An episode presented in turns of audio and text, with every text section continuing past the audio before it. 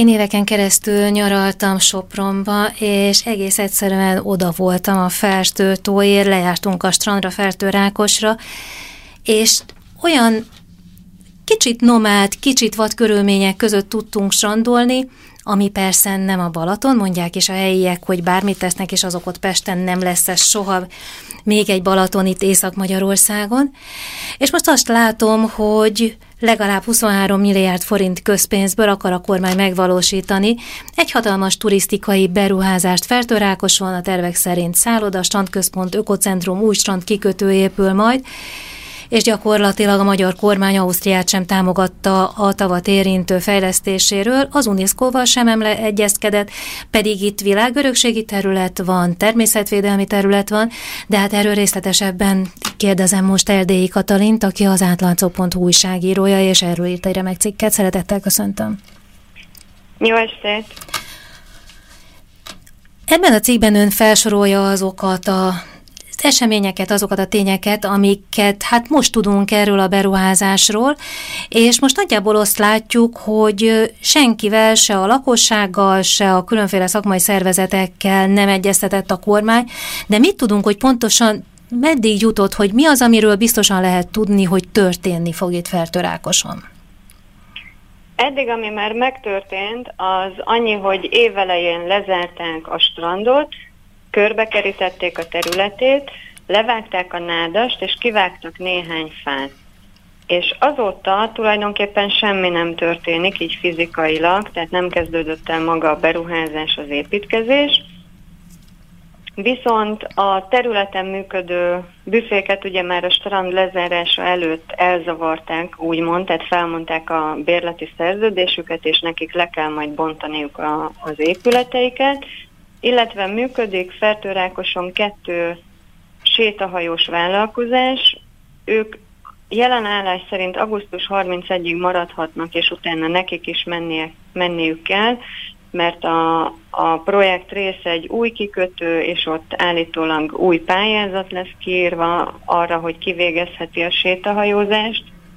Illetve még ami történik, hogy ugye Fertőrákoson vannak a híres cölöpházak, a cölöpökön álló, fából készült nádtetős jellegzetes épületek, amiből több leégett kettő évvel ezelőtt, pedig ugye az is hozzájárultak. Az, az egy nagyon fontos része volt a fertőrákosi látkép, uh-huh. ezek a házikok, ahogy ott sorakoznak, és a tulajdonosok azt érzik, hogy velük is, velük is meccsel a beruházásért felelős állami cég, mert ugye ők bérlik a, a víz felületet, amin áll a házuk, és ezt a bérleti szerződést ezt velük is fel akarják majd mondatni, mert a cölöpházak mögötti területre épülne az új szálloda ugye ami eddig semmilyen szálloda nem volt Fertőrákoson, most oda épülne egy óriási négycsillagos,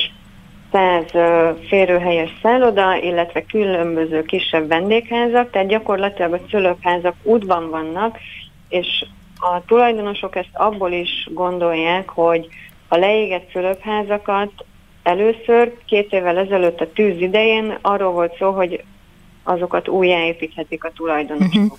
Tehát, hogy visszaálljon a látkép, Viszont azóta ez változott, és a beruházásra hivatkozva nem adták meg nekik az építési engedélyt.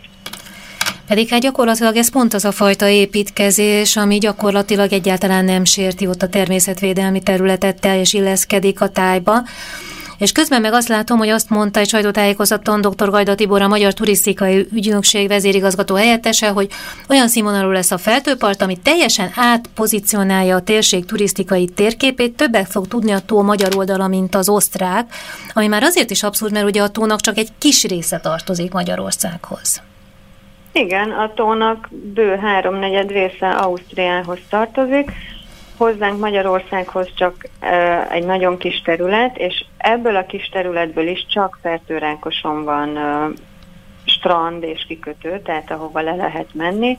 Ugye ez egy természetvédelmi terület, része a Nemzeti Parknak és e, egyéb e, rámszári terület, tehát hogy nemzetközi jelentőségű vizes élőhely, tehát számos védett növény és állat él a területen, és ehhez képest a fejlesztés ez teljesen tájidegen, és igazából a helyieket ez bántja leginkább, tehát hogy egyrészt kitúrják őket gyakorlatilag, ez az érzésük, másrészt semmit nem tudtak előzetesen, tehát nem kérdezték meg a véleményüket, hogy miért szeretnének, hogyan szeretnének, mert az tény is való, hogy ráfér a partra fejlesztés, tehát valóban azért egy kicsit olyan, mintha a 80-as években megállt volna az idő, tehát a régi, nagyon egyszerű büféépületek, stb. Tehát egy valamilyen modernizációra szükség van valóban, de túl nagynak tűnik ez a tervezett beruházás, tehát rengeteg térkő szerepel, óriási épületek,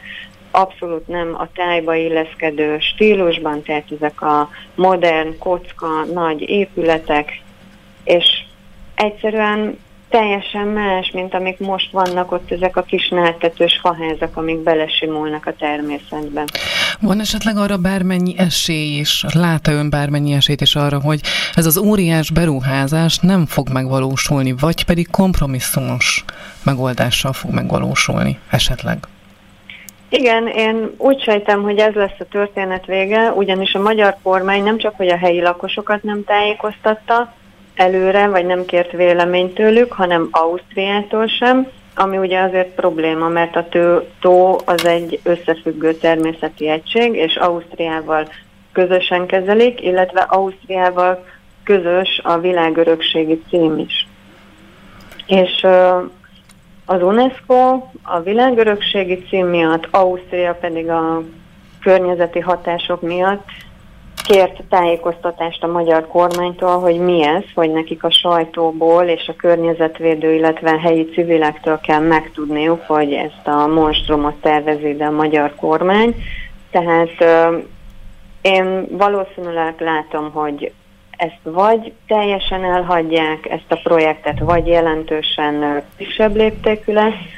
Most ugye hónapok óta nem történik semmi a területen, és a helyiek szerint az az oka ennek, hogy ugye közeledik az önkormányzati választás, és a kormány nem számított a projekt miatt ekkora lakossági ellenállásra, tehát itt ugye arról van szó, hogy különböző csoportok tiltakoznak, uh-huh. tehát a mhm. környezetvédők a, az élővilágot félték, a lokál patrióták a látképet, a hajósok a bevételeiket, a cölöpházasok a cölöpházaikat, tehát több különböző csoportnak sem tetszik, és ők így egységesen kiállnak a projekt mellett, és a kormány viszont attól fél, hogy emiatt az önkormányzati választáson túl sok szavazatot veszítenének a Fidesz jelöltjei, és állítólag ez az oka annak, hogy most hónap óta nem történik semmi, tehát hogy így jegelik csendben, hogy ne legyen akkor a mérgelődés miatta, és majd utána talán nekiállnak, de ugye közben meg az UNESCO és az Ausztria,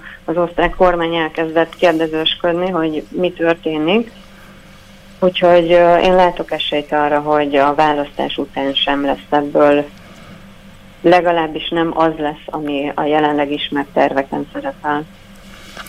Hát már csak azért is, mert ugye nyilván Ausztriával egyeztetni kell erről, hiába mondják azt, hogy a beruházás kapcsán nem várhatóak határon átnyúló hatások. Nyilván az egész ökoszisztémát érinti egy ilyen hatalmas beruházás. Reméljük, hogy igaza lesz, és ez így változni fog. Én köszönöm szépen, hogy itt volt Erdélyi Katalina, az átlátszó.hu újságírója, és a fertőtavi óriás beruházás helyzetéről beszélgettünk. Viszont hallásra! Köszönöm, viszont hallásra!